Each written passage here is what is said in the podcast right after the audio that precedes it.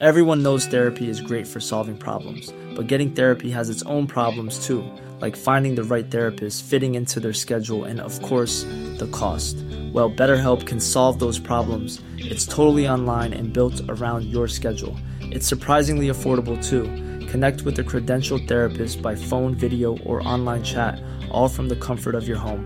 Visit betterhelp.com to learn more and save 10% on your first month. That's BetterHelp, H E L P. Life is full of what ifs. Some awesome, like what if AI could fold your laundry? And some, well, less awesome, like what if you have unexpected medical costs?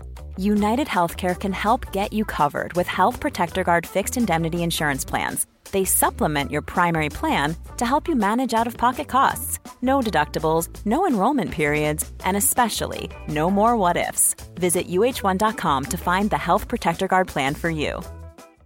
Hey, I'm Ryan Reynolds. At Mint Mobile, we like to do the opposite of what Big Wireless does. They charge you a lot, we charge you a little. So naturally, when they announced they'd be raising their prices due to inflation, we decided to deflate our prices due to not hating you.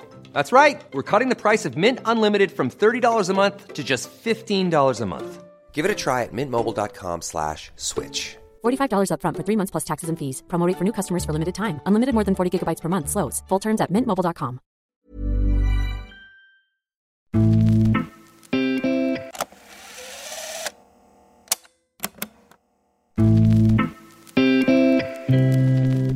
Lennart Ekdal har inte bara fått se en son ta sig hela vägen ut i proffslivet och nå landslaget, utan två.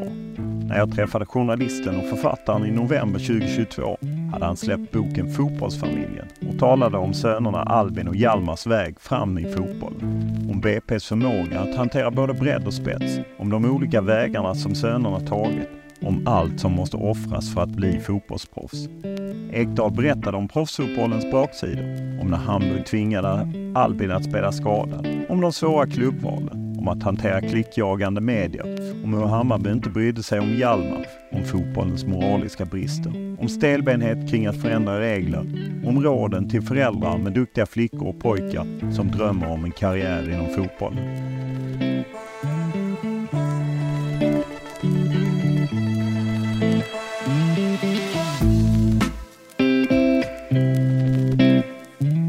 Sveriges mest profilerade journalister som jag säger varmt välkommen till, Lennart Ekdal. Men idag så säger Lennart faktiskt själv att han egentligen är mest känd för någonting helt annat, nämligen sina söner.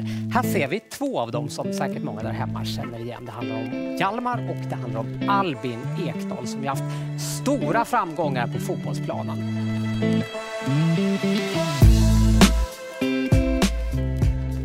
Lennart Ekdal har en lång och framgångsrik karriär som journalist bakom sig. Han har bland annat jobbat på TV4 och skriver idag böcker. Han är även pappan som varit med och fostrat två svenska landslagsspelare i fotboll. Albin och Hjalmar Ekdal. I veckans podd talar Lennart Ekdal om boken Fotbollsfamiljen, en pappas berättelse, som han precis släppt och som handlar om sönernas karriärer.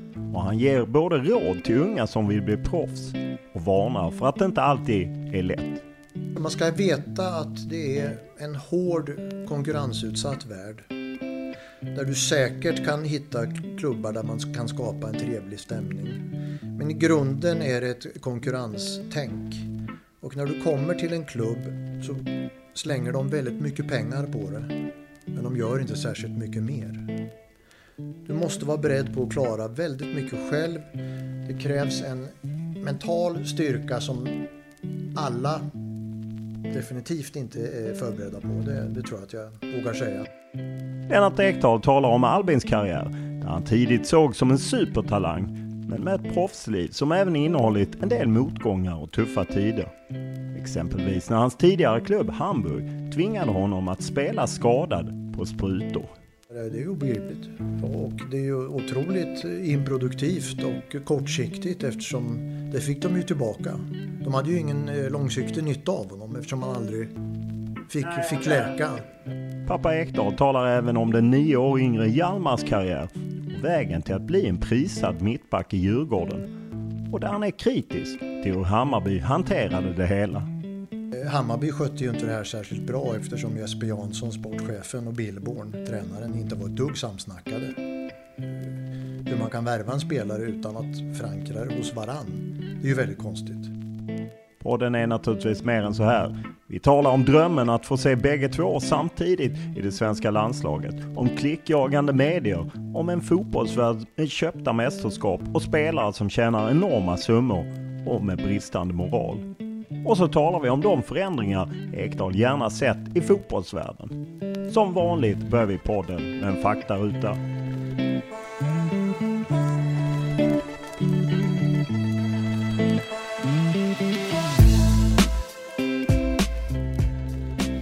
Ålder, 68 än så länge. bor, Bromma. familj, Tre söner och en fru sen, eh, vad blir det, sen åtta år. Nu har vi varit ihop i 40. eh, utbildning, Jag gick naturvetenskaplig linje på gymnasiet. Det var nog det mest nyttiga. Journalisthögskolan var mer en väldigt bekväm introduktion till ett yrke skulle jag kalla den utbildningen. lön, Eh, nu har jag 55 000 netto i månaden. vad kör du? Jag kör BMW. Vad läser du? Jag läser allt, eh, verkligen. Jag läser din bok, jag läser Grisham, jag läser min eh, kusin eh, Niklas Ekdahl som är en begåvad jäkel. En jäkla massa tidningar och väldigt mycket böcker. Vad tittar du på? Jag tittar på fotboll, samhällsprogram och eh, eh, ibland Idol med Malin, för det gillar hon. Och serier förstås, som alla andra. Vad lyssnar du på? Jag lyssnar fortfarande på mina hjältar. Det är ju Stones och Doobie Brothers och Zeppelin och Eagles och klassisk 70-talsrock. Jag spelar ju det själv. Ja, vad spelar du på? Jag spelar gitarr och sjunger i ett rockband sedan många år, men mer än någonsin eh, faktiskt. Så vi har en 80 låtar och en 20-25 spelningar om året. Vilken är din största fotbollsmerit? Det skulle nog vara någonting i, i korg. Ja, min största fotbollsmerit är nog att jag fick delvis jobb på tidningen C. Därför att chefredaktören var fotbollsfreak och ville gärna vinna internserien på Helene Åkerlund. Och då frågade han en polare där om den där Ekdal, är han bra i fotboll? Och han är skitbra, sa min kompis. Så då fick jag jobbet. Och sen vann vi som tur var internserien. Så han tyckte rekryteringen var väldigt lyckad. Vem är för dig tidernas bästa fotbollsspelare? Jag måste nog säga Messi. Vilket är ditt favoritlag och varför? Det var IFK Norrköping, eftersom jag är från Linköping. Eh, Numera är ju mitt favoritlag eh, egentligen två. BP kommer jag aldrig ifrån. Där har, jag, det har jag och grabbarna växt upp med. Och jag tycker det är otroligt starkt av dem att ta hem superettan som de gjorde i år. Eh, annars så håller jag givetvis på grabbarnas lag. Djurgården och, och Spezia då i Albins fall. Vilken eh, skulle du klassa som den största upplevelse du haft i fotbollssammanhang? Albins första Gothia Cup-seger på Nya Ullevi som 12-åring. Vilken regel i fotboll hade du velat ändra på? Tusen. Men jag kan ju ta en. Att den som bryskt fäller en spelare sen får ta upp bollen och promenera iväg med den och effektivt hindra varje försök till ett snabbt motanfall. Den skulle jag direkt ta bort. Jag skulle säga det är helt förbjudet att röra bollen när du själv har orsakat en frispark. Kom inte i närheten av den. Titta på handbollen. Det är ju min linje. Om du hade tvingats välja ett nytt jobb, vad hade det blivit då? Advokat. Vad var du bäst på i skolan? Eh, matte och franska. Vid vilka tillfällen ljuger du? Rätt sällan faktiskt. Jag är, jag är en ganska rak typ skulle jag nog säga. Och ju äldre jag blir desto rakare blir jag. Jag har inget givet läge där jag använder vita lögner. Faktiskt. Jag kommer inte på det när jag skulle ljuga. Vilken är din dyraste pryl? Det är nog mina gitarrer. När var du riktigt eh, lycklig senast? Eh, jag är lycklig för det mesta. Jag tyckte det var eh, jättekul att eh, Hjalmar och kompani eh, säkrade andra platsen i Allsvenskan och att deras säsong har varit så himla lyckad. Verkligen, men det är ju ingen... Det är mer en sorts eh, beständig tillfredsställelse kan man väl, kan man kalla det.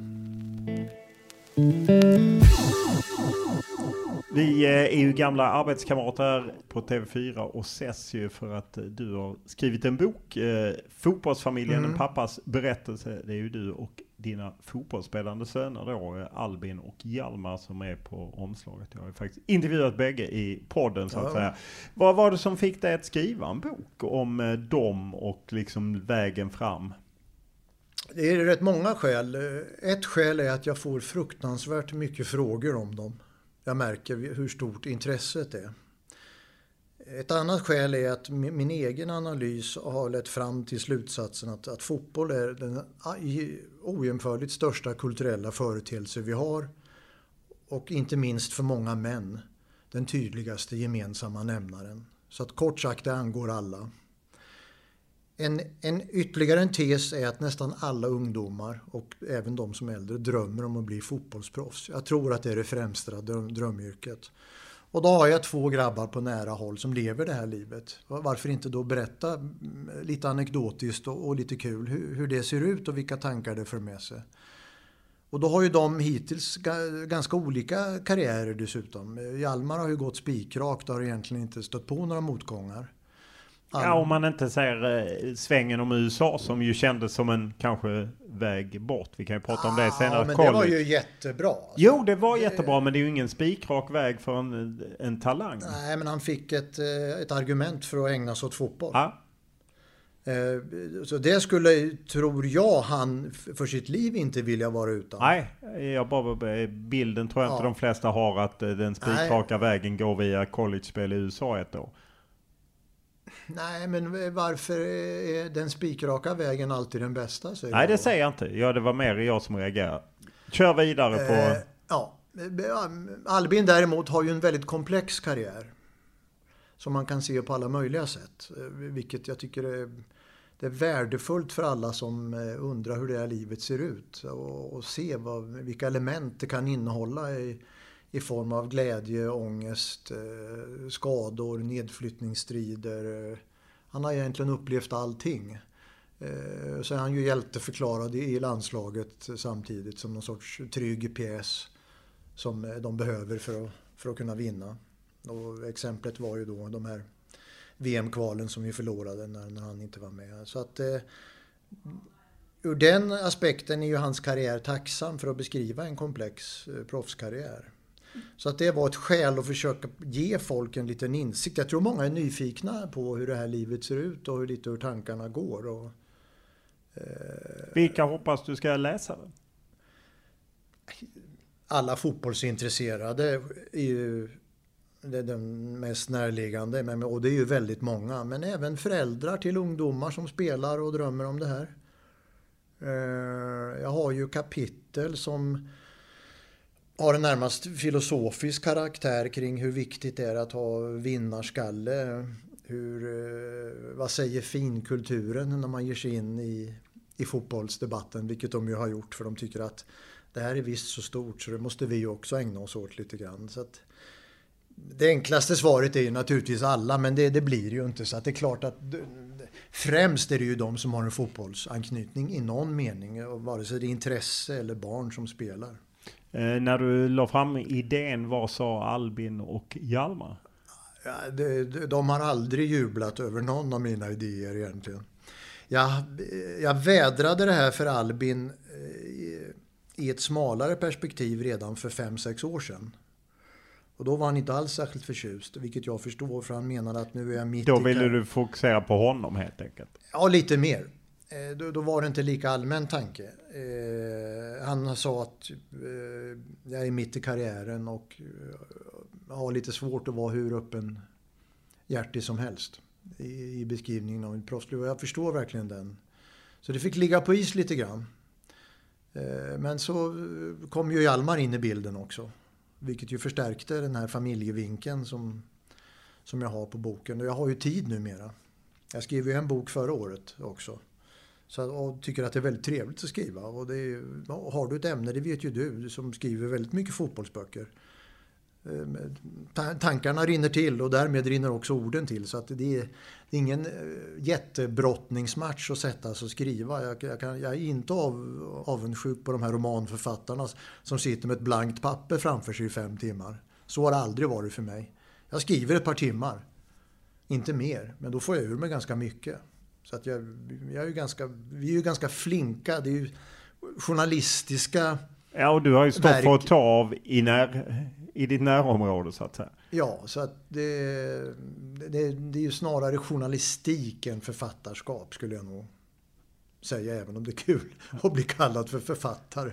Eh, det blir ju lite speciellt, vi vet ju inte eh, men när vi spelar in den här, men det kan ju bli så att bägge blir uttagna till landslaget eh, för de här träningsmatcherna. Det var ju, kunde ju varit så redan i juni när Hjalmar var med i Nations League och Albin ja. fick lämna återbud på grund av skador. Han var ju ja. i en villa i Spanien eller någonstans söderöver och vilade upp sig för skador. Mm. Hur, hur är känslan att tänka med två söner i landslaget mm. samtidigt? Mm. Jag tror det vore absolut roligast för, för Malin, min fru och mig. Och eh, jag tror det vore kul för grabbarna men de skulle inte gå bananas så att säga. Men för mig vore det ju sagolikt, absolut, det är klart.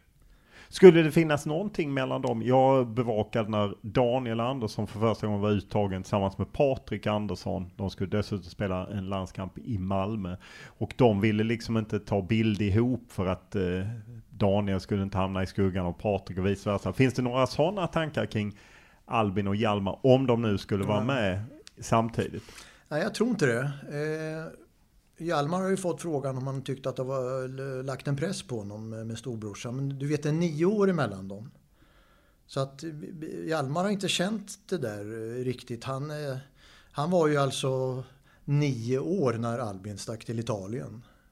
Så de har ju aldrig spelat ihop i, i Sverige på något sätt. Och Albin har varit väldigt mån om Hjalmar och han, han värnade verkligen att han skulle tänka på skolan innan han visste om det här med fotboll verkligen kan vara någonting och leda till en försörjning. Så att, nej, de, de har en otroligt eh, fin eh, brodersrelation. Det är väl möjligt att, att Albin både bildligt och bokstavligt skulle känna sig som storebrorsan i en sån konstellation. Men jag tror inte att det, det skulle inte det är jag rätt säker på finnas någon sorts ohälsosam konkurrens eller missundsamhet. Eller nej, inte alls. Eh, ofta går det ut att man tar sig ut i en bruttotrupp i förväg. Vet du om om de är med i bruttotruppen bägge två? Ärligt, jag har ingen aning faktiskt. Jag vet inte alls hur, hur långt Albin tycker att han har kommit. Eh, han hade ju en hälsporre liknande variant hela våren som var jättebökig. Han kunde ju knappt springa stackaren. Men nu har han ju spelat en del.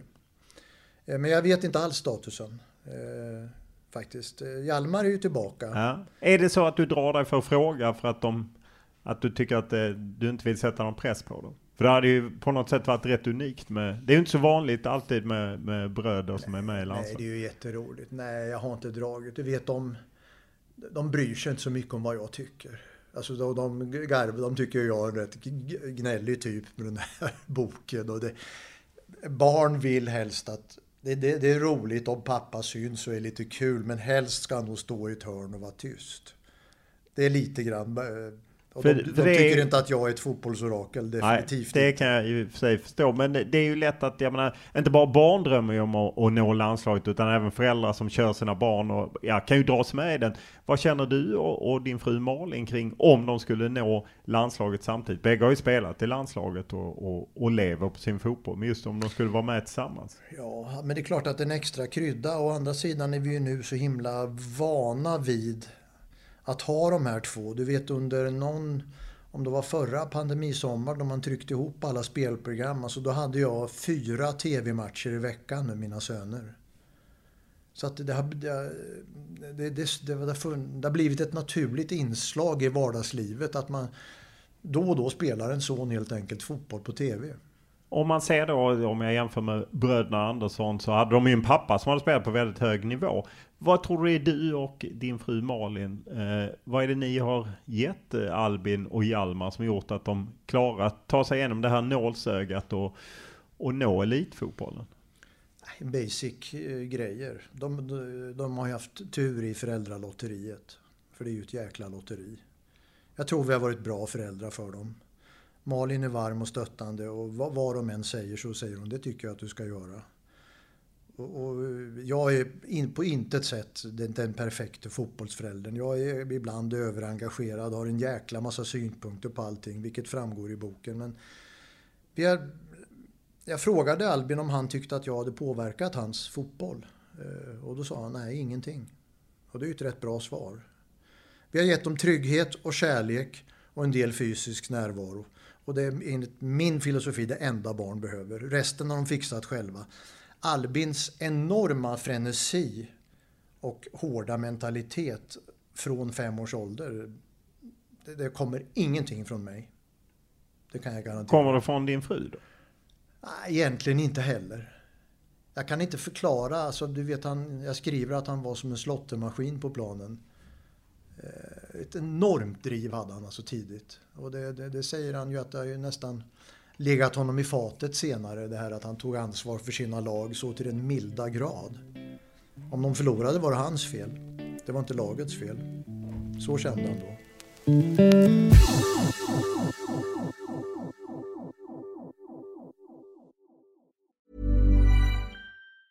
In the market for investment-worthy bags, watches, and fine jewelry, Rebag is the answer. Rebag is a luxury resale platform where each piece is carefully inspected by experts to ensure quality and authenticity. Use Rebag to buy and sell finds from the world's top brands, including Louis Vuitton, Chanel, and Cartier. Head to Rebag.com to get 5% off your first purchase with code REBAGNEW. Shop today at Rebag.com. That's R E B A G.com. And use promo code REBAGNEW for 5% off your first purchase. This Mother's Day, celebrate the extraordinary women in your life with a heartfelt gift from Blue Nile. Whether it's for your mom, a mother figure, or yourself as a mom, find that perfect piece to express your love and appreciation. Explore Blue Nile's exquisite pearls and mesmerizing gemstones that she's sure to love. Enjoy fast shipping options like guaranteed free shipping and returns. Make this Mother's Day unforgettable with a piece from Blue Nile. Right now, get up to 50% off at BlueNile.com. That's BlueNile.com. One size fits all seemed like a good idea for clothes Nice dress. Uh, it's a it's a t-shirt. until you tried it on. Same goes for your healthcare. That's why United Healthcare offers a variety of flexible, budget friendly coverage for medical, vision, dental, and more. So, whether you're between jobs, coming off a parent's plan, or even missed open enrollment, you can find the plan that fits you best. Find out more about United Healthcare coverage at uh1.com. That's uh1.com.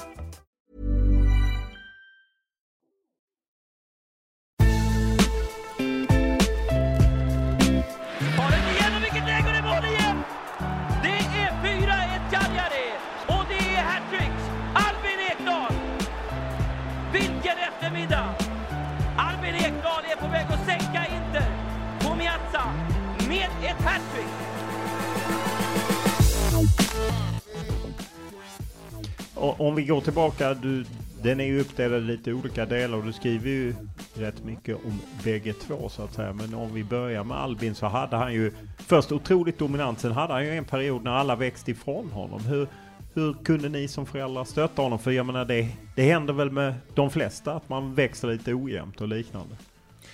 Ja, det, alltså, det var ju tufft. Han, han, det låter ju larvigt att säga, men han, han var verkligen eh, outstanding upp till 13. Och sen blev han en bland 300 under kanske ett och ett halvt år. Och då lägger ju många av. Och där har vi ju den här tesen att det är eh, ofta tvåorna som går längst. Därför att de har någonting att fightas mot hela tiden. Men jag tror att han, han kände att talangen var så exceptionell. Att han helt enkelt var piskad att ta sig igenom den här perioden. Och han behöll den här fotbollsnischen. Han var ju jätteroad av det som tonåren har att erbjuda i form av eh, fester och ja, tonårsgäng och allt det här. Men, men han åkte och tränade varje dag. efter gymnasiet. Och det var inget som kom från er utan det kom bara från Nej, honom själv? det kom från honom. Jag kan, jag kan, inte säga att vi la oss i eh, egentligen vad han skulle, men han var aldrig nära att sluta. Det hade varit skillnad om han hade varit så deppad att, men det var han inte. Det var motigt ett tag och han fick hoppa undan därför att han hade ju sitt rykte med sig. Så de var ju jävligt elaka mot honom. Han fick ju enormt mycket smällar och var ju väldigt tunn i 14-15 års åldern. Men sen växte han ju till sig rätt snabbt. Och, och, så snabbt att han ju debuterade i Allsvenskan. Då var han ju 17. Just det här att, att balansera att, att vara så duktig och sen liksom ändå, jag menar det fanns ju skola, du poängterar ju ändå i boken flera gånger, du berättar till och med långt fram i boken och du är på ett akademimöte för flera av klubbarna i Stockholm där du trycker på att skolan och du, du klagar ju lite också på klubbarna att de inte ja, men trycker på att skolan är viktig. Och ni flyttar ju till och med Albin från en fotbollsklass till en vanlig klass. Ja, det var ju totalt misslyckat. Alltså fotbollsklassen. Ja. Det, det, hälften av gänget sket i plugget. Hur, hur, hur var det ändå just att, för Albin verkar ju, även om han skötte skolan okej, okay, så verkar han ju inte satsat lika hårt som Hjalmar exempelvis. Han hade ju inte tid. Vet. Han spelade ju alla pojklandslag från han var 15. Och eh, var ju allsvensk spelare i truppen från han var 16. Du vet, de kunde ju åka, pojklandslaget kunde ju åka på en turnering i, i Tjeckien tio dagar i mars plötsligt. Eller, så han gick ju väldigt lite i skolan rent fysiskt. Var det svårt för er? För du vet ju också matematiken att av de som är i pojklandslaget så är det inte jättemånga som blir elitspelare på absolut högsta nivå. Nej, det är ju jättefå. Eh, var det svårt då att han inte hängde med, han kunde sköta skolan? Ja, det är svårt. Det är ju, vore ju löjligt att säga. Men, men det, det är klart, det är ju... Jag som hade turen att eh, halka in på en eh, journalistisk bana som innebar samhällsjournalistik och som ju per automatik är en väldigt intressant skolning in i ett lite mer intellektuellt liv. Jag vet ju hur värdefullt och hur kul man har med kunskaper och, och, och kanske ändå en, en hygglig utbildning. Samtidigt var ju även vi präglade lite grann av den här enorma talangen som han faktiskt hade visat upp. Så att vi utgick nog alla från, inte minst han själv, att det var bara en formalitet. Förr eller senare blev jag proffs. Han, han konstaterade det väldigt obekymrat. Och jag har ju sagt i efterhand, hur fan kunde du vara så säker på det? Jo, han var det. Och det är klart, när, när då det är just Juventus som knackar på dörren så då infrias ju både de tankarna och de förhoppningarna. Ja, och med du, råge får man säga. Ja, och du tar ju med oss till den tiden där han ju själv tvekar. Han tillhör BP och gjort succé. Sen har han haft körtelfeber och missat en del av, eller en stor del av en säsong. Och sen Juventus. Och du berättar ju att, att det är ni som läcker eh, till en Stockholms gratistidning tror jag, Stockholm mm. City. För att sätta tryck på Albin. Vet Albin om att ni läckte? Och använde media? Ja, det där har ju Malin tagit på sig. Jag skulle inte säga att det var så raffinerat. Ja, det är ju så, så det står i boken. Ja, men det var ju inget strategimöte där vi... Utan Ma Ma Malin kan ju då hålla tyst helt enkelt. Och, och vi var ju rätt uppspelta. Alla som kan fotboll förstår ju hur en extremt sportintresserad förälder reagerar när Juventus ringer och frågar har er grabb lust att spela för oss? Det är rätt stort. Ja, självklart. Men eh, det var väl mer att Albin tvekade ju själv. Ja, det gjorde han. Eh, men han var ju lite rädd. Han var lite ängslig för att lämna ett liv som hade varit så enormt angenämt. Som, som firad stjärna och massor med kompisar och trevligt boende i Bromma. Och, jag menar, han hade ett väldigt förspänt liv. Och det, han visste inte vad som väntade. Men då hade vi ju, jag beskriver ju det här, eh, vi hade ju en middag då på Hard Rock Café. Eh, Hela familjen Ekdal ja, helt enkelt? Ja, lite, lite med syfte att snacka igenom det här ordentligt. Och då, då la jag fram det värsta som kunde hända. Och när han fick det klart för sig så tror jag han kände att ja, det här är ju inte så farligt. Och det värsta är ju att man i så fall vänder hem och har lärt sig ett språk, provat på en ny har, kultur. och- ja, du har lärt dig lite italienska, Ja. du har tjänat jättemycket pengar, du har fått träna med världens bästa fotbollsspelare. Det är ju ganska kul erfarenhet. Så att han förstod det att det var, nedsidan var inte särskilt djup. Det som är, slår mig när jag läser boken är ju som man kanske, ja men det gläntas då och då in i den här världen men där det ju kanske ofta lätt, det kanske är svårt när man är fotbollsproffs att glänta till att det faktiskt inte är så glamoröst. Man kan sitta ensam i Siena, utlånad, väldigt ensam och ha det trist och, och så. Att, att det var tufft för Albin. Jättetufft. Jag tror han hade skittråkigt där ett par år. Han säger ju det själv, han satt och skypade i timmar med, med, med kompisarna. Vi kunde ju inte heller åka ner i skytteltrafik he- hela tiden. Vi, vi, satsade ju i Turin första året. Malin tog ju tjänstledigt tio veckor tror jag. Och var nere och var lite mamma. Och han hade en kompis som Han hade en flyttade. kompis, så det, det var ju bäddade vi ju jättebra. Eh, Men, men jag var ju, jag menar, titta hur mycket du jobbar. Eh, Jag jobbade ju jättemycket. Jag kunde liksom inte åka ner mer än kanske ett par gånger per termin. Så att han var väldigt mycket ensam. Och han tyckte att det var svårt och socialt att komma in i de italienska lagen. Han tyckte de var lite speciella, lite barnsliga. Ja, helt enkelt lite, lite svåra att, eh, för en ung svensk kille. Så att, eh, eh, där fick han ju, vilket ju skedde vid många tillfällen, bita ihop. Verkligen. Ja, och, och det är ju liksom den tuffa att man också ska avstå en massa grejer. Alltså man har det ju fantastiskt, man får göra sin hobby, man tjänar bra med pengar. Men man avstår väldigt mycket socialt, väldigt mycket Ja. kul grejer. Ja, jag har ju en, eh, en uppställning där på plus och minus. En tio punkter. Eh, och det, det får man ju naturligtvis värdera. Eh, Hjalmar är ju där nu. Han erkänner ju att han också då var, var rädd för att missa allt det här roliga då. Som han inbillar sig är lite roligare än vad det är. Det är väldigt lätt att sitta liksom utomlands och tro att fan vad kul kompisarna har hemma nu. Men de, de har ofta en, en grå, grå vardag också. Men eh, det är ju ett väldigt speciellt liv.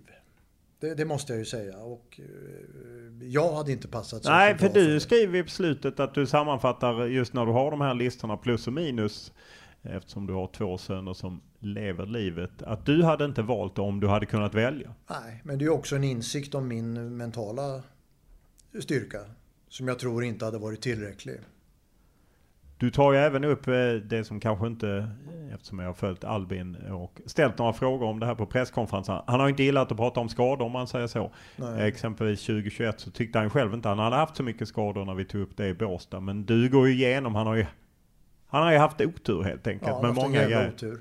Det- Hur, hur har den tiden varit liksom för er att eh, stötta i, i de perioderna? Lite jobbig. Vi har ju tyckt synd om honom. För att tala klarspråk. Jag tycker aldrig, eller aldrig ska jag inte säga, men, men ofta har han... När han har varit på gång och nå en väldigt hygglig form så kommer det nya skador och så vidare. Och vi är ju inne på det resonemanget att det här har ju varit en, en hämsko under egentligen stor del av hans karriär och eh, han har ju därför inte riktigt kunnat nå sin fulla potential. Och du ger ju också en inblick i cynismen när han spelar i Hamburg. Ja, det Och var han- ju förfärligt. Ja. Hur, hur kan man tvinga någon med en spruta bara skicka ut dem Ja. fast de är skadade? Ja, det är ju obegripligt. Och det är ju otroligt improduktivt och kortsiktigt eftersom det fick de ju tillbaka. De hade ju ingen eh, långsiktig nytta av honom eftersom han aldrig fick, Nej, och fick där, läka. han fick en injektion i en match mot Hoffenheim tror jag och Ja. Tvingas ut. Eh, han Ja. vill inte spela och Nej, så men drar han hade så ont så han... eh, Det, men de brydde sig inte om det. Nej. Ja, det var ju väldigt märkligt. Och då drog han ledbandet var borta fyra månader. Ja. Och även den här nattklubbsskadan. Där, eh, Jo, men du, näm- du nämnde ju körtelfeber här som han ju fick när han var 17. Eh, Så att han har ju haft väldigt, e- inte bara nog med att han haft otur, han har haft, åkt på rätt egendomliga grejer. Och den här ryggskadan han fick, den var ju väldigt märklig. Jag gillade ditt resonemang där kring att du faktiskt svarade på frågor för du tyckte det var bättre att berätta med tanke på att... Ja, där var vi ju inte överens. Nej, jag vet att... Han eh, blev ju arg på mig. Ja. Hur, hur var det? Hur försvarade du det liksom? Du berättade vad som hade hänt på den här nattklubben i Hamburg, att han hade trillat över ett bord. Du sa ett glasbord, det var det tydligen inte då. Så här, jag, jag var ju säker på, eller jag är säker på att Albin är ju ingen lallare som springer omkring dyngrak och gör bort sig. Det är en jävla fin kille, disciplinerad. Eh, urtypen för en pålitlig svensk proffsspelare skulle jag säga. Så jag, jag, var rätt säker på att det här beror inte på att han totalt har gjort bort sig. Han, han råkade snubb, snava på en kant och faller så olyckligt. Och varför inte berätta det då istället för att inte säga någonting och låta alla spekulera. Om du har eh, kombinationen skada och nattklubb så behöver man inte vara journalist som vi är för att associera en viss riktning. Mota då Olle i grind istället och, och säg som det är. Ja, jag håller med dig. Jag tror att man vinner på det. Men det... Ja, men jag mötte ju en massa strategisnack ja. från alla möjliga ja. håll. Från, från agenthåll och från klubbhåll och, och, och, från andra. Lägg locket på är väl strategin? Ja, och en strategi var ju oj då, nu stundar EM. Hur ska vi nu förhålla oss till... Eh, var det Hamren fortfarande? Ja, det var Hamren fortfarande. Ja hur, hur, ska vi, hur ska vi lägga upp det här så smart? Det är ju inget att lägga upp. Det, det talar för sig själv. Kan han spela så är han med och kan han inte spela det går ju inte att komma och mörka någonting så att säga. Utan... Nej, det, den är svår att, att, ja. att stuva undan. Ja. Om man säger, för jag reagerar eftersom man blir intresserad av det, journalistiska hur du Albin har verkligen inte gjort något fel. Eh, det är någon placering som har slutat i ett kronofogdekrav. Där det egentligen bara är en teknikalitet. Ja, det, bara, blivit... det var ju en rolig story. Ja, men att du då är så rädd för att det ska, att kvällisarna ska få tag i det. Eller om det är någon annan media. Hur, hur resonerar man där? Är det så enfaldigt? Ja, det är det ju. Jag menar på goda, på goda grunder. Ja, ja, du, du hur får ofta, blåsa på. Hur ofta ser vi tabloidjournalister koka soppa på en spik? Ja, ja, ja, både och skulle jag säga. Men ja, jag tycker inte alltid att om man kan stå för någonting, ja men jag har inte gjort något fel, så behöver man inte vara rädd för det. Nej men det var ju onödig publicitet, kände jag. Ja. Det är ju det är, det är en rätt bra story. Ja, ja, nej det är fascinerande så. Albin Ekdal jagas av Kronofogden. Ja. Det är ett ganska hyggligt löp. Halv miljon i skatteskuld ja. eller vad det var. Som inte är sant, det är viktigt att understryka. Och du, det klirades ut, du tog honom till Skatteverket och löste sig allting. Så det var inga problem. Det var bara Nej, men jag menar, jag, och där tycker jag att där gjorde jag faktiskt en bra insats. Ja. Jag, jag, såg till att det där snabbt eh, eh, inte blev någonting helt enkelt. Du ger ju också lite inblick i att när han ska byta klubb, eh, bland annat i Cagliari, tuff president. Eh, han var väl inte klok skulle jag säga eftersom han sen Nej. ägde Leeds eh, efter det. Men där han ju blåser eh, Albin på lönen på slutet och, och det är mycket tjafs kring eh, Hamburg och Albin kunde varit PSG. Ja. Och framförallt som jag inte känner till, han kunde ju gått till Leicester och vunnit ligan. Ja, men det, hade du haft en spåkula där så kunde du hört av dig. Ja, ja jag, hade, jag hade ingen spåkula. Nej. Jag mer bara, hur svårt är det? För jag menar, ni sitter ju lite på läktaren, men jag gissar att, att Albin bollar lite mer, eller Hjalmar. Hur ska jag ja, göra? Rätt lite. Ja, när det gäller klubbar rätt lite, måste jag säga. Eh, Framförallt då. Han har ju blivit mer medelsam eh, med åldern. Eh, och jag vet inte hur långt gånget de snacken var. Eh, det var bara ett klubbnamn som ändå virvlade förbi att det fanns ett intresse. Ja, och det var ju hans gamla tränare Ranieri väl? Som, det var det ja. ja. Som, så det fanns ju en koppling Det fanns en att, koppling att och Ran, Ranieri har alltid varit förtjust i Albin. Ja. Så att det, det fanns en, en koppling, men sånt där vet man ju inte. Eh, det finns ju väldigt mycket, vad hade hänt om jag hade gjort si eller så? Det var ju samma med PSG. De ville också ha honom till ja. Paris Saint-Germain när Zlatan var där eh, sommaren 2015 är ju detta. Eh, så att... Ja, men då hade alltså... Man kan säga två saker om Hamburg-valet. Och det var ett, han fick ett väldigt bra kontrakt. Två, han mötte en väldig entusiasm från tränaren. Och det är två rätt bra pusselbitar. Sen kunde man lagt till Hamburg är en skittrevlig stad. Vi blev ju enormt överraskade hur, över hur fin den stan är. 4 55 000 i snitt på hemmamatcherna. 5 en anrik klubb. Det var väldigt mycket på pappret som såg skitbra ut. Och det var väldigt mycket som inte blev så bra. Nej, och det säger han ju i intervjun med dig. Du intervjuar ju alla dina barn och din fru. Men i intervjun så säger han att han på något sätt ångrar det. Sen kan man ju inte göra någonting åt det Nej. i efterhand. Nej. Eh, Ibland måste man ju eh, fatta ett beslut och sen agerar man i konsekvens med det helt enkelt. om han haft lite så hackigt i klubblag så har det ju gått väldigt bra i, i landslaget. Hur har du känt när han liksom tagit det här klivet i landslaget och mer och mer etablerat sig och blivit framförallt tongivande under eh, Janne Andersson och det lag som gick till VM-kvartsfinal och till EM? Att eh, han är en väldigt bra lagspelare. Han är väldigt bra att ha i ett lag. För han krånglar inte, ger alltid sitt yttersta, är generös mot lagkompisarna. Och den roll som han har tagit på sig i landslaget har, väl ändå bevisat det i, i någon mening. Jag menar, han har ju kanske inte glänst, men han har varit jävligt viktig skulle jag säga. Och det är ju många andra analytiker som kommer fram till samma slutsats. Han han har spridit och, och gett ett lugn. Och han har, han har ju agerat i en anda som är svenska landslags prio nummer ett. Skapa en jäkla laganda.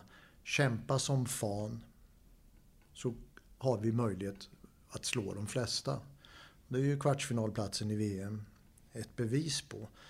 Och det här har ju då gjort det knepigt med, den filosofin när det eh, vankas snack om Zlatan till exempel.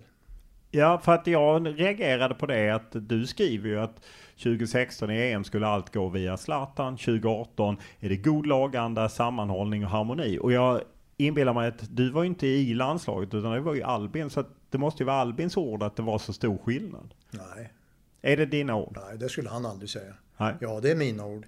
Men det behöver du inte spela för att se. Du kan ju titta på matchen. Ja, och vad menar du blir problemet med Zlatan då? Därför att om du har en stjärna som du sätter en enorm tilltro till och som ska ha alla bollar. Om, om han inte levererar då spricker ju hela strategin så att säga.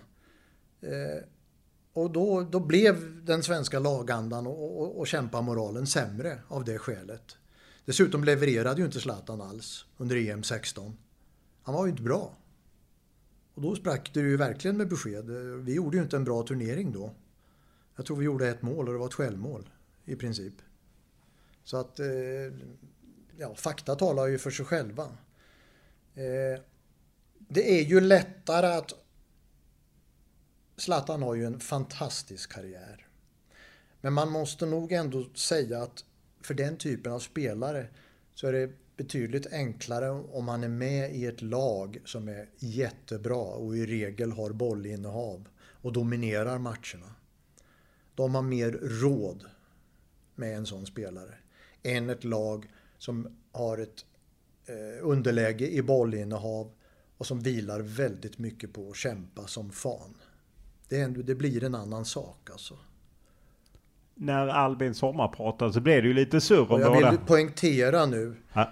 att det här är bara mina Ja, åsikter. Det här har ingenting att göra med hur, hur mina grabbar eh, resonerar. Alltså, frågar man Albin om Zlatan så tycker han ju att det är en rätt skön typ. Hjalmar har ju precis som Albin kommit fram i BP och eh, i boken så ges det en rätt positiv bild av BP eh, och att du på något sätt gillar väldigt mycket och påpekar alla breddlag och så. Tycker du att BP har fått lite orättvist mycket negativ publicitet? Mm, tycker jag absolut. De, eh, BP anordnade klasslag när grabbarna var sex år. I hela Västerort. Mängder. Eh, det är väl en social insats som något. De behöll breddlagen eh, rätt långt upp i åldrar. Kanske till och med 12 eller något. Jag, vet faktiskt, det vet jag inte hur det ser ut nu. Och jag, jag förstår inte hur det här med elitsatsning eller inte. Hur, hur eh, skulle vi gå tillväga annars om vi vill... Vill vi att människor både ska motionera och att vi ska få fram bra fotbollslag? Ja, sannolikt. Men då måste vi ju göra både och. Albin var ju enormt frustrerad när han fick spela med sina klasskamrater. Och kände att han fick göra allt själv. Han mådde så dåligt när de fick stryk. Återigen, för då lades allt på hans axlar. Hade, hade inte han rätt tidigt fått spela med, med jämbördiga, då tror jag inte han hade fortsatt. Så jag, det är liksom en icke-fråga. Dessutom är ju alla klubbar nu har väl så kallade akademier eller... I varje fall alla e, e, elitklubbar. Ja, säg att det ändå är 30 eh, klubbar i Sverige. Som i någon mening elitsatsar. Du skriver ju även att du inte gillar det här med att man inte räknar tabeller och resultat. Du menar att barnen ändå lär sig och det är klart de räknar och de är så. Tror du att det är negativt? Man kan ju inte förneka att en viss poäng med att spela fotboll, det är att göra mål. Och den som gör flest mål vinner. Om du helt bortser från det syftet så blir det ganska konstigt. Och jag är rätt säker på att även unga killar och tjejer håller reda på ändå om de gör mål eller inte. Då blir det lite som, du vet när förr i tiden eh, våra generationer delade upp på bakgården hemma och, och stod och tofflade lite fram och tillbaka. Jag förstår inte skadan med att någon vinner en fotbollsmatch. Däremot det hindrar inte att du predikar att det här med vinnarskalle och den här enorma tonvikten som läggs vid vinst eller förlust. Det är jag ju inne på väldigt mycket. Den tycker jag är skadlig. Ja, där är du ju väldigt kritisk. Dels mot eh, allt från frågesporter och liknande och att det liksom, du har själv slutat tävla säger du. Eh, ja, men det är rätt skönt. Eh, ja, men frågesporterna det är jo, ju, mer, det är tog, mer på en skämtsam Ja, jag fattar. Men... men... du tog det hela vägen liksom och pekar just på det här vinnarskalle och att eh, Ja. ja. men jag, har, jag har ju ett bra exempel med en jämn match som slutar 1-0 eller 0-1. Det är i princip ingen skillnad i själva matchförloppet. Ena gången studsar på smalbenet och in och andra gången på smalbenet och ut. Däremot konsekvensen av det resultatet blir jättestor. De som vinner med 1-0 är hjältar och de andra är usla. Och det blir jättedeppigt. Och det där tycker jag är överdrivet. Alltså det här enorma vinstfokuset. Jag har ju inget recept naturligtvis på hur man kommer åt det. Men jag... Nej, och du, du, sticker ju hål på några bubblor. Folk som spelar som pratar om att jag är vinnarskalle och jag är si eller jag är så. Att... Ja, men det var ju rätt roliga citat ja. där. Så det får se ut hur det vill bara vi vinner. Och... Men, jag tyckte Henrik Rydström då som jag ju gillar. Han sa ju också, ja men det är klart att vi vi, vi, det, är, det, är viktigt att vi vinner, men folk som kommer att titta på oss kanske vill se lite bra fotboll också. Och det är väl ett rätt bra citat i all sin enkelhet. Ja, det vill vi. Eh, I och för sig, när han var spelare så var det Hur inte kul, kul är det med ett, ett oerhört disciplinerat lag vars enda affärsidé är att vinna med 1-0 och sen hålla det resultatet. Nej, det är ju inte Det är ju inte så himla kul egentligen. Nej, i och för sig. I mitt Sen har du ju naturligtvis en supporterkategori för vilka vinsten betyder allt. Ja, för att jag kan ju säga om jag går till mig själv, de mina lag, det jag skiter hur det ser ut, bara de vinner. Ja, men det är ju en jävla korkad inställning. Ja, ja men jag är inte smartare än så. Nej, men det...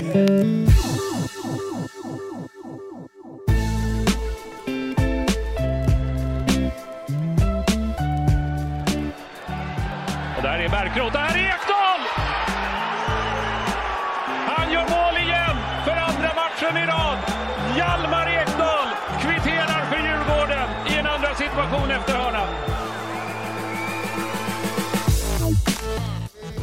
Om vi tar eh, Hjalmar så går han ju också lite annan väg än, än eh, Albin. Jag menar, han, du beskriver hur han har varit målvakt och, och så. Att han, han kanske inte var en exakt lika stor talang som Nej, Albin var. Alls.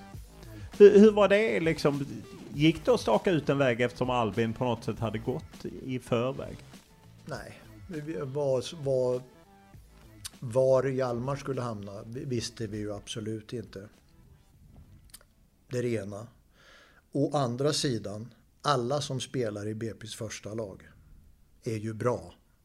Eftersom det är ett av Sveriges bästa lag, alltid vet Hjalmar och dem då, Albin vann ju allt. Juniorallsvenska och pojkallsvenska. Men Men jag vet att alltså BP's U17 då som Hjalmar spelar i, de gick ju till final i både U21 och U23 allsvenskan och sådär. Alltså med tre och det är ju ett pärlband av spelare som idag lever. Ja, Sex, sju stycken. Ja, Anton Gyökeres och Det är ju fantastiskt. Ja, nej, Isherwood. Alltså av Hjalmars 98 lag är åtta välbetalda proffs. Det säger ganska mycket. Men Hjalmar går ju ändå en lite oväntad väg, det vi pratade om i början. Just att han går och spelar fotboll i, i eh, USA. Eh, han mm. tar ett college och det är du som eh, får in honom på det. Ja, jag tyckte det var bra.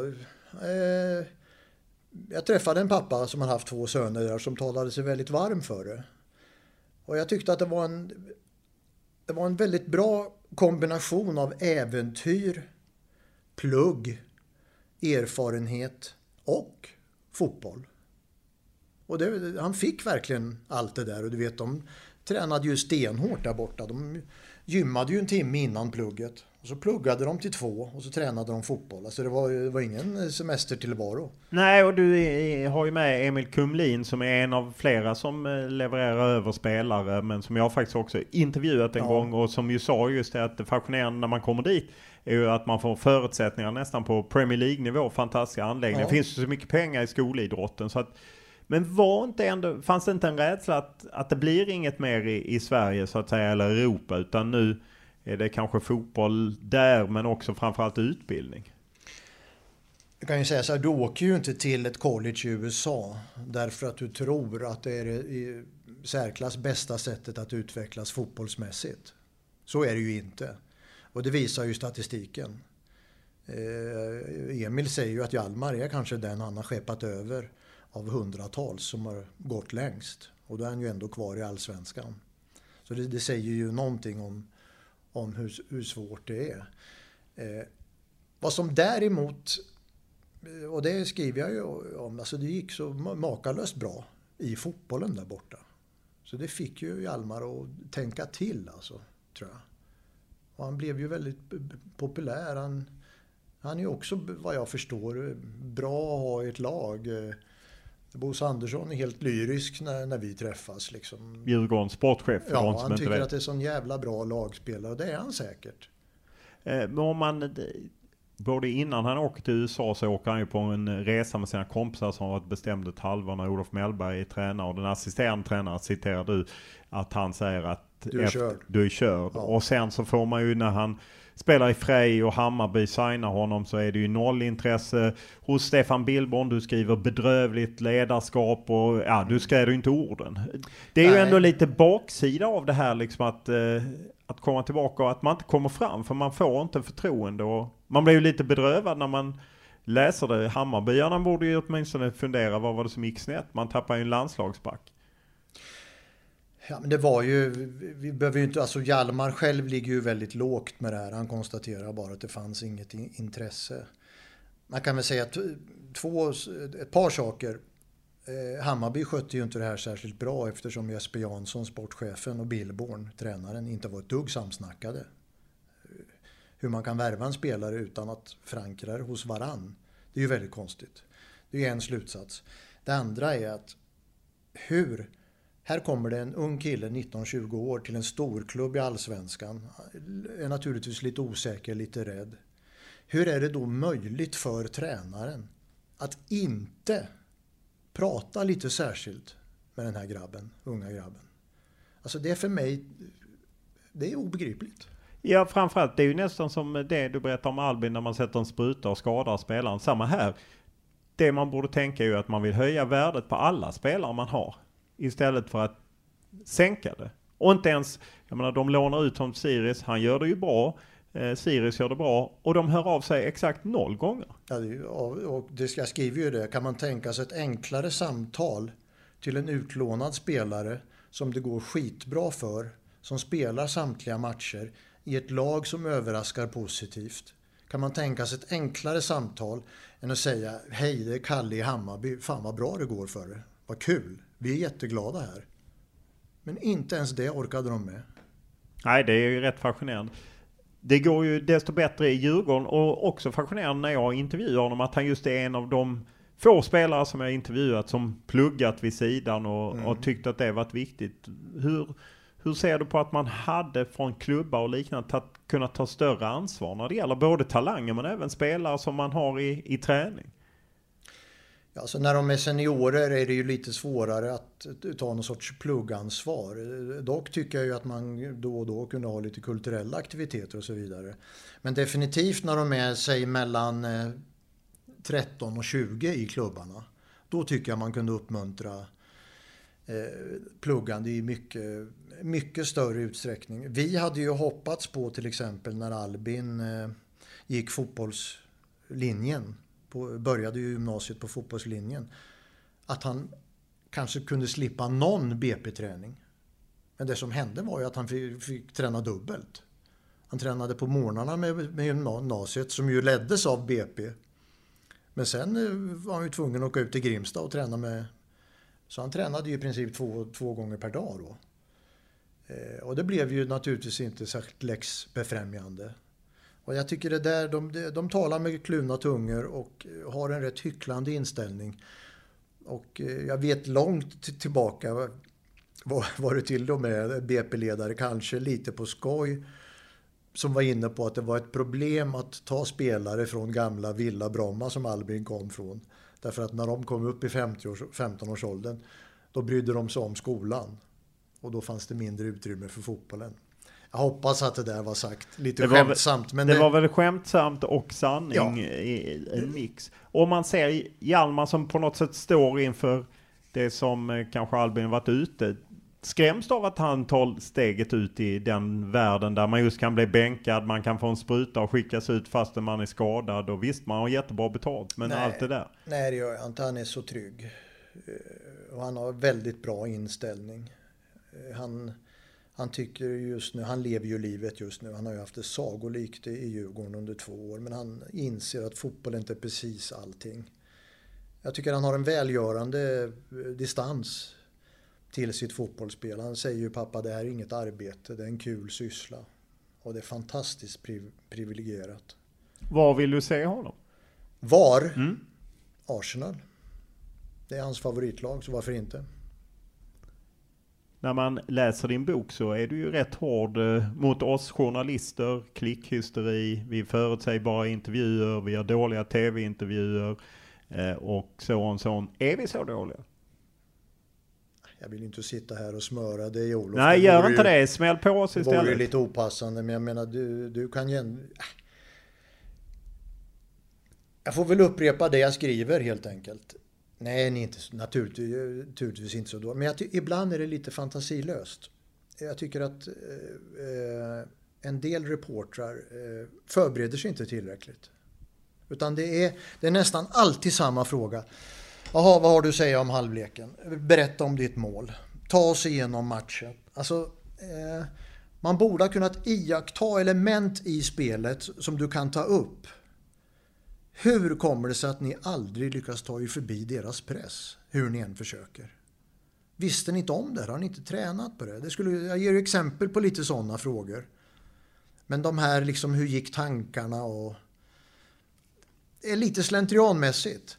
Jag menar, du spelar ju delvis i en annan dimension också som sportjournalist, vilket ju är otacksamt. Jag förmodar att du inte är populär i en hel del läger hos fotbollförbundet och eh, hos en del klubbar. Men, och en, en del spelare också. Ja, men det är inte, vi journalister ska ju för fan inte söka popularitetspoäng. Det ska inte, ska inte sportjournalister göra heller. Nej, och det är därför jag frågar, för jag tycker alltid det är intressant att höra liksom, ja men är det sån klickhysteri? För ibland kan jag tycka att, ja men spelarna har ju också ett ansvar. Att de inte alltid bjuder till helt enkelt. Det rätt, kan vara rätt svårt att ställa ens en fråga. Jag menar när senast eh, träffade man Albin exempelvis. Det är ju svårt att få en intervju Absolut. med honom. Jag, ty jag tycker också att de har ett ansvar. Och de eh, klubbar, spelar, så hela fotbollsvärlden måste ju förstå vad publicitet betyder för deras verksamhet.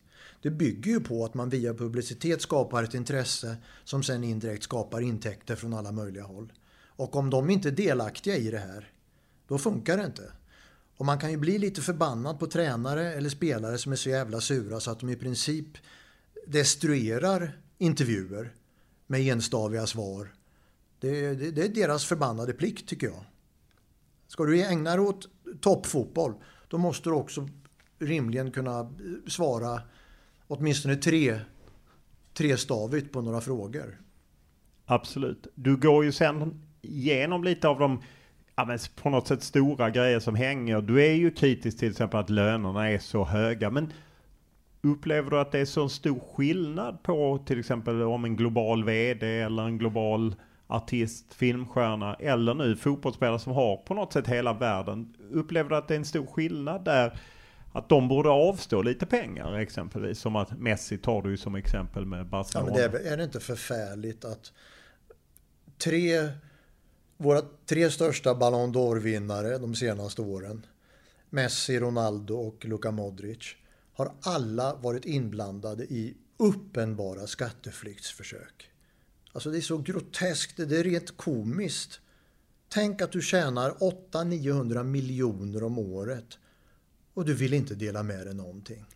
Vad är det för mentalitet? Och ska inte vi vara kritiska mot det?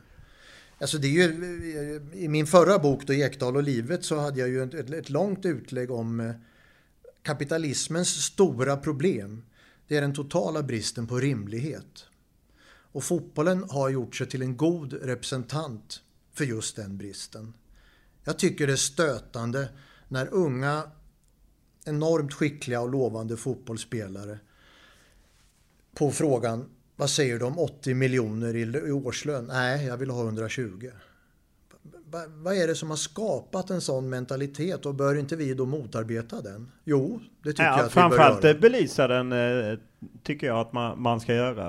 Eh, sen eh, mentaliteten... Det har ju var... ingenting med missundsamhet eller att göra. Jag, jag tycker bara inte att det är sunt. Nej. Eh, och om man tar Qatar, Ryssland. Jag tänker ändå, jag menar du går hårt åt Qatar, inte lika hårt åt Ryssland. Och det var vi ju rätt få som gjorde 2018. Att ett VM spelades där. De hade ju också mutat sig till ett mästerskap. De hade invaderat Krim fyra år tidigare. Alltså den här moralens kompass som har flyttat sig. Mm. Hur, hur ser du på det? Alltså man kan ju eh, egentligen räkna upp förmodligen hälften minst av världens länder. Borde man inte ha ett idrottsutbyte med. Om man skulle jag tror att du är snäll om du säger hälften. Ja, men säg 80 procent då. Ja. Alltså alla länder.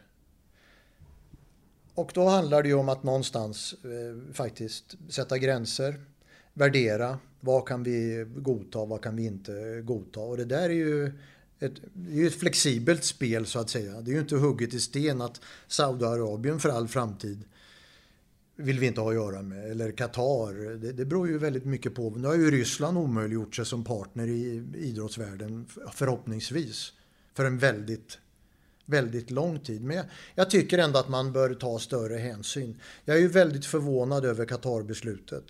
Jag kan inte förstå hur fotbollsvärlden, den samlade fotbollsvärlden kunde vara så ynklig att man inte reser sig upp som en man och säger nej, vi går inte med på det här. Det funkar inte. Så här kan ni bara inte göra.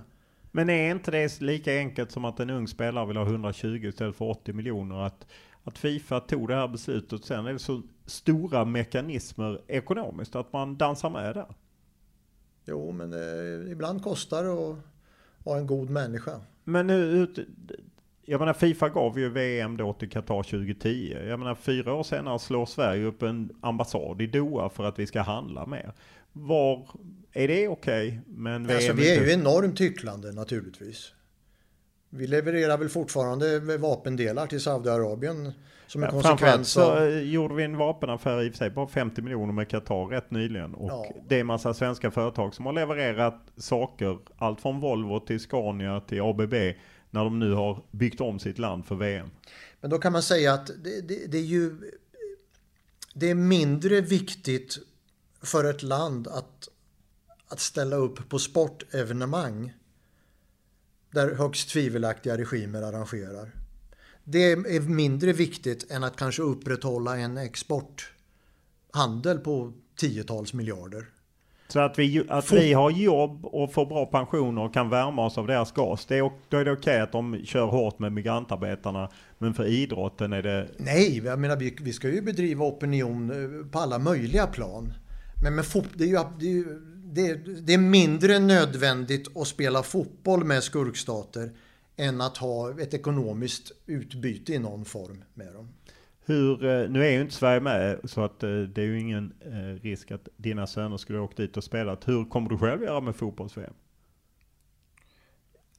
Jag kommer väl förmodligen att titta. Men då säger jag så här. Inte, inte alls lika mycket och inte alls med samma entusiasm som vanligt. Alltså för oss fotbollsälskare är ju VM vart fjärde år en enorm höjdpunkt. Det är ju bland det roligaste man gör och vet. Så känner jag inte alls.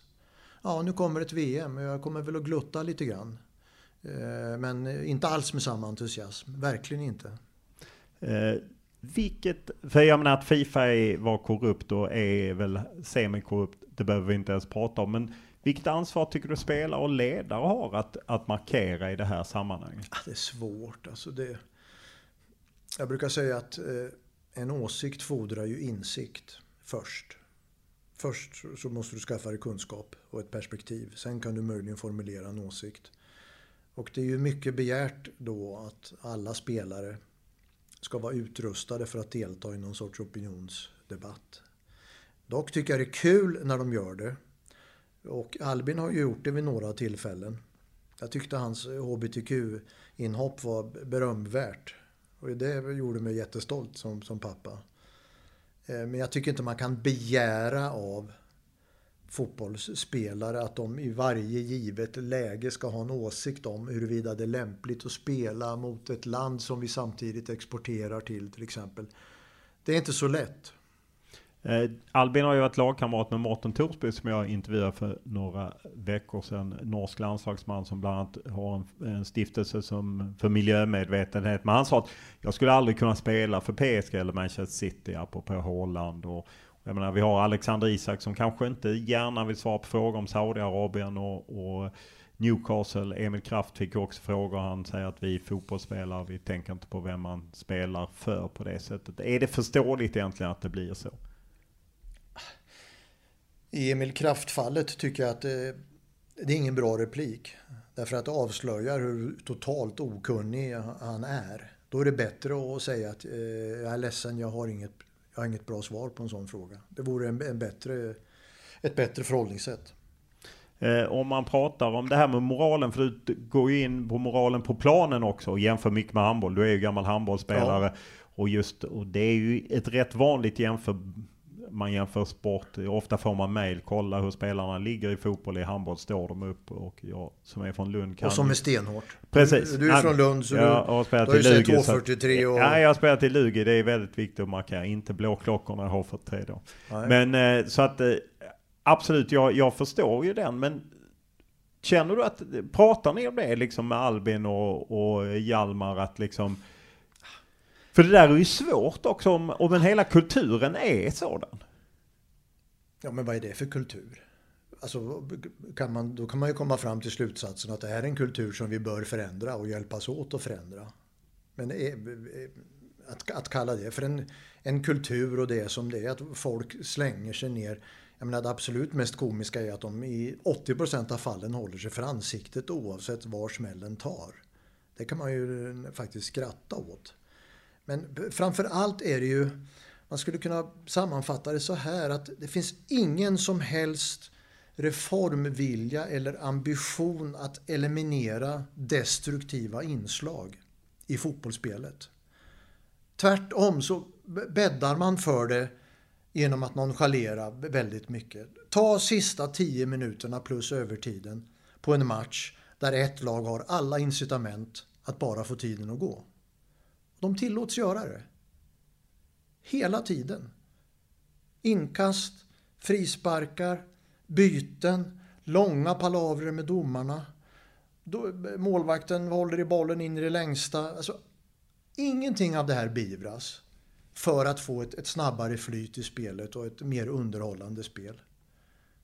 Kan någon förklara för mig var, varför har bytena sett ut som de gör i alla år?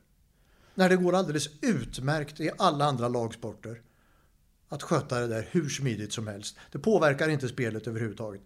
Men här ska vi då plötsligt blåsas av och någon ska lunka sakta av plan. Vad är det?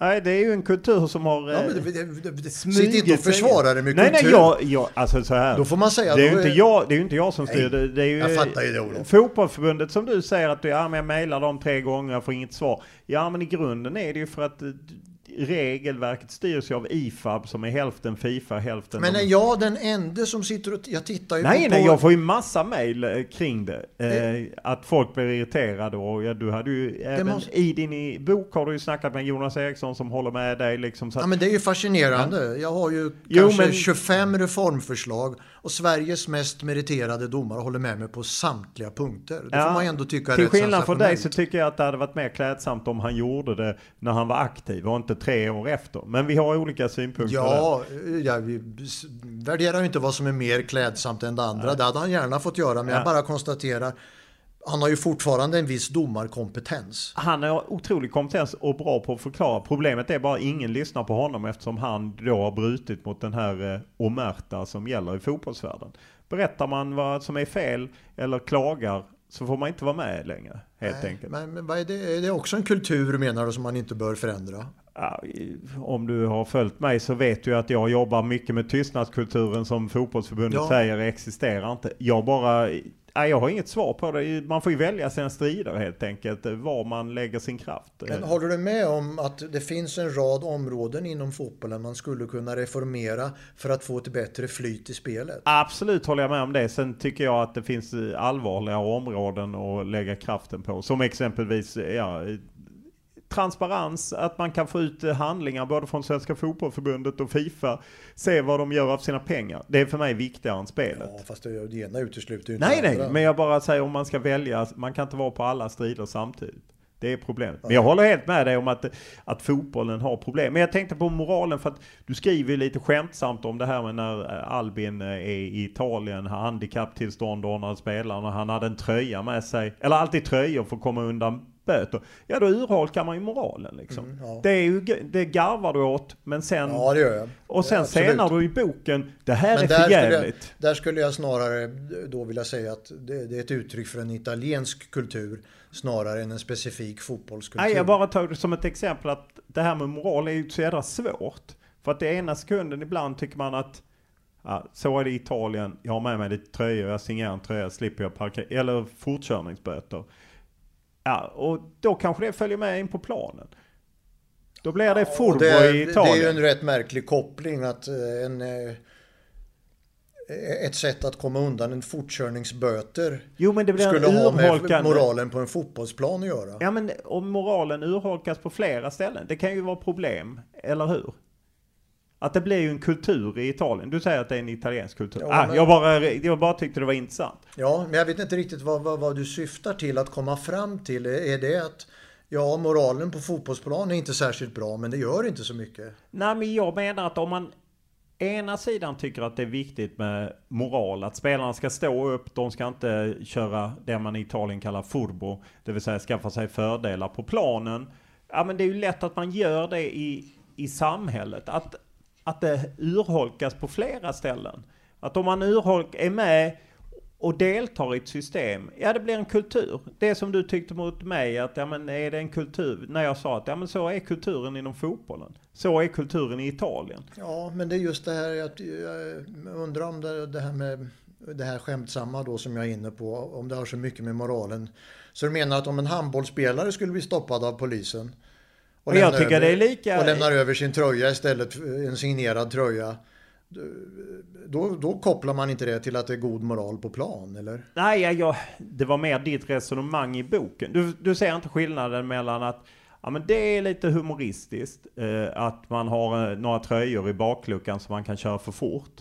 Eh, men Ja, jag, alltså- vill ha, hår- jag vill ha hård moral på planen. Det var mer din, Absolut, ditt resonemang ja. som haltade. Det var det som jag reagerade Ja, på. ja, Ingen absolut. stor grej. Jag bara nej, men, nej, men det är ju kul. Jag kan Ja. ta det. Ja. Eh, men jag, jag tillåter mig att tycka att det är lite kul. Ja, det var så. Det var ett Man, man så. kan, alltså, det, det är ju en förslagenhet som eh, har man lite humor så är det ju ganska roligt. Ja, nej, nej, Sen absolut. kan, sen kan du ju ha en strikt moralisk eh, aspekt på det men Jag vill jag bara- föredrog att garva lite åt just det. Det är helt okej. Jag vill bara mena att det, det är alltid svårt när man liksom flyttar på den här Man kan ju säga att i idrottens värld så har ju moralen flyttat och jag talar inte så mycket om planen utan jag talar om liksom Henrik Stensson till exempel som alla då tycker är förjävligt det han gjorde. Men kanske inte så många som ifrågasätter Wallenberg och de som handlar med eh, jag tror att Wallenberg har tjänat mycket mer pengar på Saudiarabien än vad Stensson har gjort. Och jag har inte hört så mycket kritiskt om Wallenberg medan Stensson gick man väldigt hårt åt. Absolut. Och det är mer det jag menar att vi har flyttat vår moral och det är svårt. Ja. Men det du är inne på lite grann. Eh, det, är ju ett, eh, det blir ett försvarstal på, på rätt eh, luddiga grunder tycker jag. Nämligen att kulturen är så här. Så här har det alltid varit. Folk vill egentligen inte ändra på, på någonting. Så här är fotbollen. Menar du att jag försvarar fotbollen? Men du försöker förklara att Nej, det är ett kulturellt som det är- fenomen som kanske inte är så mycket att göra åt. Ja, jag tror tyvärr. Eh, nu läste jag ju för inte så länge sedan Tore G. Brodd som väl var fotbollsförbundets ordförande 84. När fotbollsförbundet fyllde 80 år så skrev han en krönika om liksom domarna. Det är allt mer pengar, det är sånt tryck på domarna. Eh, ja, men som egentligen hade kunnat lyftas fram i 2022. Det vill säga Mm. att nästan ingenting har hänt. Och jag håller ju med dig om att det hade ju varit bra det som eh, heter hon Ingrid som är gammal Fifa och sitter ordförande i Svenska fotbollsförbundets domarkommitté. Där hon säger att det hade varit bra om man tittade i efterhand. Det är något jag gärna hade sett, att man tittade i efterhand och straffade Mm. Spelare. Det kan ju vara allt från att man eh, slår någon till att man eh, filmar så att säga. Det tror jag hade varit bra. Men det är ju verkar ju svårt att få ihop det systemet. Ja, men jag, jag håller med dig om att de här gränsdragningarna när det gäller eh, omoral eller inte är väldigt svåra att göra. Att det, det är bedömningsfall egentligen hela tiden. Men vad, vad jag försöker peka på är ju en, en, en rad omständigheter och förändringar som skulle göra fotbollen faktiskt roligare att titta på. Det är inte så...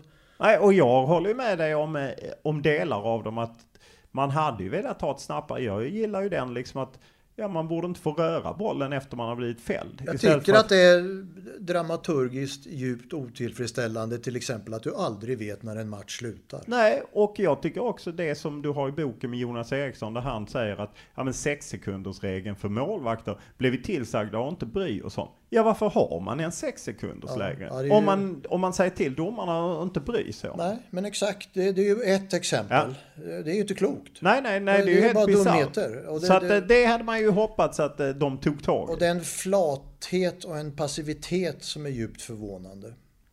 Du är ju även inne på, du citerar Peter Wolodarski och det här med derbyn och att, eh, jag menar, ultras som kan vara hårda och jag menar, du har även Albin som säger någon gång när de blev stoppade att liksom supportrarna ville verkligen döda dem. Eh, som han upplevde det. Hur, hur ser du på den strömningen som finns? Jag menar, det har ju varit flera gånger i, i år som man har sett folk slagits på läktaren i Allsvenskan. Ja. Det betyder ju inte att alla matcher är så. Nej, men jag är ju lika fördömande som alla andra. Jag förstår det inte. Jag, jag, jag, Vad kan man göra åt det då? Apropå kulturer. jag har inget. Eh, Ja, vi, man, man får benchmarka som du säger. De som har lyckats ganska bra med det här, hur har de gjort? England är väl ett bra exempel. Ja. Där, där det väl ser väldigt annorlunda ut nu jämfört med för 25 år sedan om, Ja. om jag har fattat det rätt. Men de har ju varit väldigt repressiva och kollektiva bestraffningar och sånt. Som inte supporterkulturen och fotbollen gillar i Sverige. Nej, men det är klart att de inte gillar det. Men jag menar, ta matchen i Norrköping här. I, det var väl i förrgår. eh, Norrköping-Djurgården. Jag menar, starta... Alltså, jag skrev ju på skämt i boken. Och vill ni se på stämning? Jag kör igång ett fyrverkeri, fullskaligt fyrverkeri. Och så gör man det. Och hur kan vuxna män tycka att det är så jävla kul när det är massa rök som man inte ser någonting och så avbryts matchen i 20 minuter. Var ligger det roliga i det när man är 25, 30, 40 år? Jag kan Nej. förstå om du är 10 år. Stämningen brukar ju de anv- använda som argument. Stämning, vad är det för stämning? Nej, nej, jag bara, jag, nu ska det inte bli så att jag försvarar det, utan jag bara konstaterar att, att det finns där, tyvärr. Ja, men du kan ju säga att det, det, det är ju då en, en stämningsskapande åtgärd som eh, ändå förstör för, för spelet. Ja, nej, Då jag... kan man ju ifrågasätta det på den grunden. Ja, ja och där kan jag ibland känna att eh, lika eh, offensiva som spelare och klubbar var mot villkorstrappan så hade jag gärna sett att de var mot det som är, är negativt så att säga. Med att det blir oroligheter på läktaren eller pyroteknik som bryter matcher. Ja, men jag menar det här med supportrar som inte sköter sig, det, är ju, det, är ju, det, har ju som, med så mycket mer att göra än fotbollen. Jag menar, det är väl osäkra, otrygga män som i grupp blir väldigt primitiva och det här med hata, hata AIK, hata Bayern, hata Djurgården. Alltså det blir ju bara larvigt. Det är, det är svårt att förstå. Mm. Jag, jag vet inte vad man ska göra åt det. Nej, inte jag heller. Eh, Du är ju även inne på, eh, du har haft söner som varit ute, men det här med agenter och så. Hur, vad är ditt råd till liksom unga spelare och föräldrar som hamnar i den situationen att man faktiskt är så duktig i fotboll att man blir uppvaktad av diverse aktörer som vill jobba för en? Ha inte för bråttom. Vänta lite, lär känna personen och betala inte groteska arvoden. Hur vet man vad groteska arvoden är? Nej men alltså det du, du behöver ju som köpare av en agenttjänst inte på något sätt bry dig om vad som är kutym. Jag skiter i om du brukar ta 10%. Av mig får du 3. Take it or leave it. Alltså det, det finns ju ingen stipulerad ersättning som en agent måste ha. Utan som, det är ju ofta då kanske föräldern som, som blir den första förhandlaren om, om grabbarna och tjejerna är 16, 17, 18 år. Jag sa ju då till Albins agent eh, att eh, vi betalar gärna dig i termer av en välbetald konsult. Men förväntar inte några fantasibelopp. Jag menar återigen, vi var inne på löner. Mino Raiola lär ha gjort 40 miljoner euro på Pogba. Alltså det är ju så komiskt så att... Och tragikomiskt. Man, man kan ju bara garva eller gråta åt det. Och det, det är ju naturligtvis då för att de har satt i system med det här med procent och skapat en maktposition. Men det, man, man behöver inte bry sig om det som köpare. Man ska inte ha överdriven respekt för dem heller. Hur ska man hantera klubbar som kommer och, och där man ju kanske inte alltid blir premierad i den klubb där man är fostrad och, och så. Hur ska man som talang och föräldrar hantera det? Klubbar som kommer och Ja, dels vill... klubbar som kommer men du kanske tillhör BP eller AIK och de kanske inte vill, tycker att du ska vara kvar där och kanske inte vill ge dig jätte... Historiskt sett så brukar det ju sällan löna sig att stanna på samma klubb eller samma arbetsplats väldigt länge. För att man tar för givet på något sätt. Ja, fast det finns ju inget generellt råd. Det beror ju på hur du har det där du är, hur du trivs, hur mycket du har betalt där, vad du har för eh, förhoppningar och, planer för framtiden. Vill du verkligen gå all in eller vill du ha en bekväm tillvaro ytterligare några år och kanske göra något annat?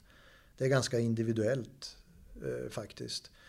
Eh, den första gången som vi fick, eh, hade anledning att fundera över det här så, så var det ju, råkade det ju vara just Juventus. Och då var det ett ganska lätt beslut. Hade det varit en, eh, en division 1-klubb i Norge hade det ju inte varit lika lätt beslut. Så att det, det beror ju väldigt på vem som frågar helt enkelt hur, hur man hanterar och hur pass intresserad man blir. Finns det något du hade velat veta hade velat veta innan du har varit med? Nu har du ju massa erfarenhet som du har packat in i, i, i din bok och som är ju naturligtvis är intressant att läsa för de som ska in på den resan. Så att här, men är det något du hade velat veta där och då första gången när, när Albin började dras in i den här världen? Du menar kring omständigheterna i Ja, ett nej, men- proffsliv? Ja, proffsliv eller ung talang. Om, ung omsusad talang. Du berättar ju hur han är och besöker Chelsea och de tar inte ens in honom i London och eh, rätt trist hotell och, och så. Är det något du hade velat veta som förälder när du liksom skulle in i den här världen? Det gick från att det var kul på Gothia Cup till att det plötsligt blev mer allvar. Alltså man ska veta att det är en hård konkurrensutsatt värld. Där du säkert kan hitta klubbar där man kan skapa en trevlig stämning. Men i grunden är det ett konkurrenstänk. Och när du kommer till en klubb så slänger de väldigt mycket pengar på det. Men de gör inte särskilt mycket mer. Du måste vara beredd på att klara väldigt mycket själv. Det krävs en mental styrka som alla definitivt inte är förberedda på. Det, det tror jag att jag vågar säga. Och man ser ju på att det är ju en hel del som faktiskt åker hem. Kanske inte med svansen mellan benen men de åker ändå hem därför att det här blev tuffare än de hade tänkt sig. Och vi har ju rätt mycket, jag tror jag skriver där, vi skickar ju ut alltså en, nu var det väl grabbar vi pratade om, 70-80 per, per år åker ut i Europa. Och hur många av dem hör vi talas om så småningom? Ja, en minoritet, definitivt. Så att det är, det är ett tufft projekt att ge sig på och bestämma sig för att försöka bli professionell fotbollsspelare.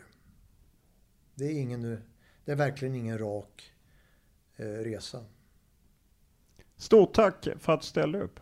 Ja, det var kul. Det var ju roligt att vi fick lite diskussion också. Absolut. Ja. Det, man ska inte vara ensam om allt. Nej. Det är ju bra Nej. att vi lappar till oss så att vi inte är så bra. Det ska vi ha också. Ja.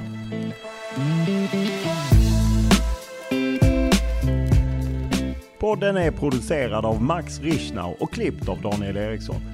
Vi tar tacksamt emot era synpunkter, tankar, idéer eller önskemål. Enklast är som vanligt att mejla mig olof.lund.tv4.se eller skriva till mig på Instagram eller Twitter och då är det Olof Lund som gäller i ett ord. Stort tack för den här veckan.